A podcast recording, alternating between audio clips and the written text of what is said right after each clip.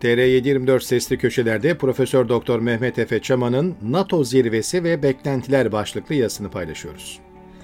Ülkelerin dış politikası uzun erimli yani süreklilik ihtiva eden, belli bir yönelimi olan, değerlerle ilintili, ulusal çıkarları ve güvenliği önceleyen, dış koşulları dikkate alan siyasi tercihlere dayanır dış politika tercihlerinin rasyonel olması kaçınılmazdır. Siyasi yalpalamalardan en uzak olan alanların başında ekonomiyle beraber dış politika gelir. Cumhuriyet döneminin ana karakteristiği Osmanlı İmparatorluğu'nun sonunu getiren dış politik yalpalamaları sona erdirecek, rasyonel, makul, güç dengelerini gözeten, çıkara dayalı, batı yönelimli bir dış politika olmuştur. Türkiye'nin istikrarlı, güvenliğini ve bağımsızlığını tatmin edebilen aynı zamanda uygarlıksal ideolojik yönelimiyle uyumlu bir dış politika ağına entegre edilmesi işte böyle bir hedefti. Atatürk'ün barışı önceleyen ve maceracılıktan uzak durmayı seçen tutumu bu politik yönelimin temelini oluşturuyordu. Türkiye bu koşullarda Avrupa Konseyi'nin ve Birleşmiş Milletler'in kurucu üyesi olduğu NATO'ya katıldı ve Avrupa bütünleşmesine tam üye olma hedefini birincil dış politik hedef haline getirdi. Yine bu koşullarda Orta Doğu'nun kısır çekişmelerinden kendisini soyutlama kararı aldı.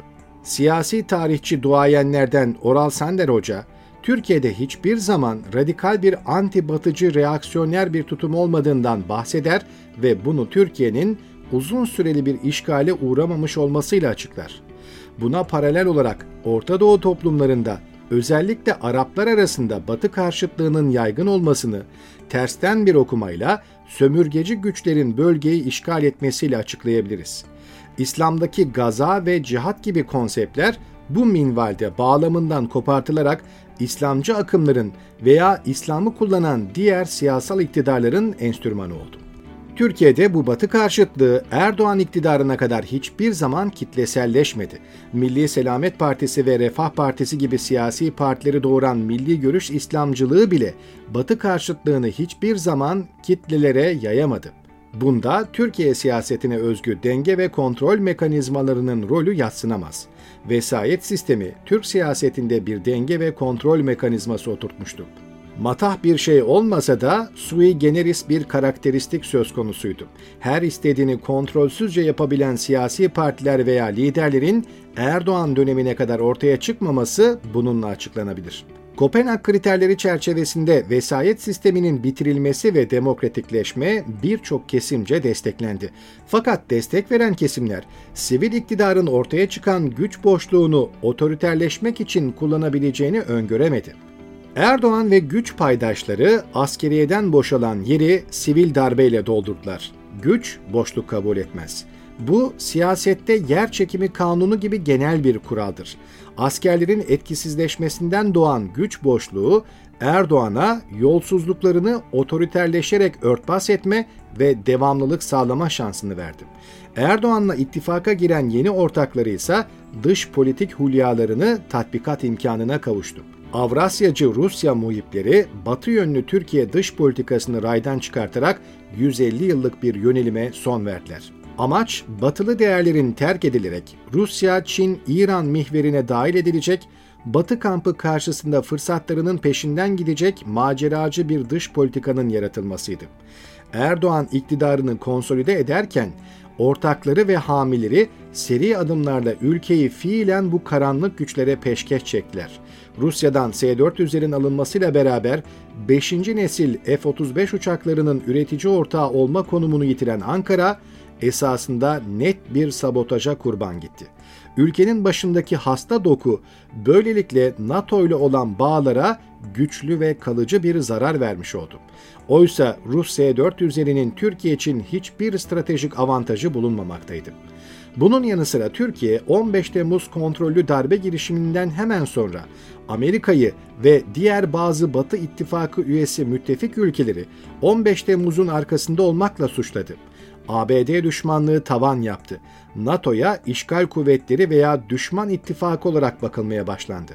15 Temmuz'un NATO karşıtı bir operasyon olduğu herhalde en amatör gözlemcinin bile kolaylıkla yapabileceği bir çıkarımdır.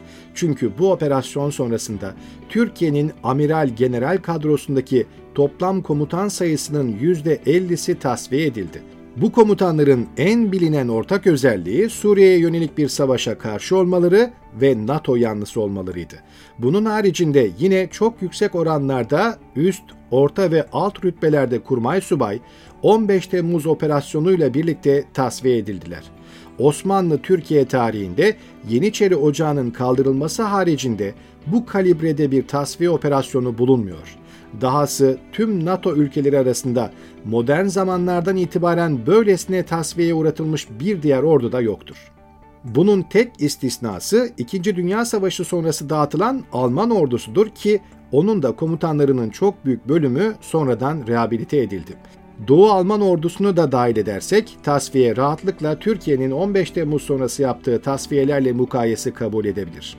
Şimdi Türkiye açıkça İsveç'in NATO üyeliğine kabulünü veto etmekte ve Atlantik İttifakı zincirinin çürük halkası olduğunu ortaya koymaktadır. Son bir yıldır ittifak başta Amerika olmak üzere Erdoğan'a karşı tam bir yatıştırma taktiği izlemekte. Ama bu taktiğin başarılı olmadığını gözlemliyoruz. Bilakis her geçen gün Erdoğan bu şantaj politikalarına verilen tepkinin yetersizliği nedeniyle daha da güçleniyor. Bunun yanında Rusya'nın Ukrayna'yı işgal etmesinin ardından Türkiye Rusya'ya ciddi yaptırım uygulamayan, bilakis Rusyacı denebilecek bir tutum sergilemeyi gizleme ihtiyacı duymadan sürdüren yegane NATO üyesidir. Son İstanbul ziyaretinde Ukrayna'nın NATO üyeliğine destek oluyormuş gibi davranarak bu durumu gizlemeye çalışması Türkiye'nin şark kurnazı yaklaşımlarını kamufle etmiyor. Tıpkı Almanya'nın 1980'lerde ve 90'larda Yunanistan'ın arkasına gizlenerek Türkiye'nin o dönem AT-AB üyeliğine direnmesi gibi Türkiye'de Ukrayna'ya destek oluyormuş gibi yapıyor ve Rusya yanlısı politikalarını gizlemeye çalışıyor. İsveç'in NATO üyeliği 1991 sonrası dünya siyasetindeki en önemli değişimlerden birinin gereğini ortaya koyuyor. Rusya'yı çevrilemeye çalışan NATO, İsveç'in toprak bütünlüğünü ve güvenliğini ancak ve ancak NATO üyeliğinin sağlayacağı güvenilir şemsiyeyle sağlayabilir. Türkiye, Putin'in Truva atı gibi davranarak uzun süredir Atlantik İttifakı'nın altını oyuyor, güvenlik şemsiyesinde ciddi bir gedik açıyor. Bu durum artık sürdürülemez. Türkiye'ye yönelik yatıştırma politikalarında son noktaya gelindi. Bu NATO zirvesinden istenen sonuç alınmadığı takdirde Türkiye'ye karşı bir B planı devreye girecektir. Erdoğan sadece iç dinamiklerle iktidarı kaybetmeyecek. Bunu daha önceki bazı yazılarımda izah etmeye çalışmıştım. Erdoğan'ın gitmesi ve dahası Türkiye'nin hukuk, demokrasi rotasına girmesi için mutlaka dış politik yöneliminin Rusya, Çin, İran istikametinden Batı yönüne doğru değiştirilmesi gerekiyor.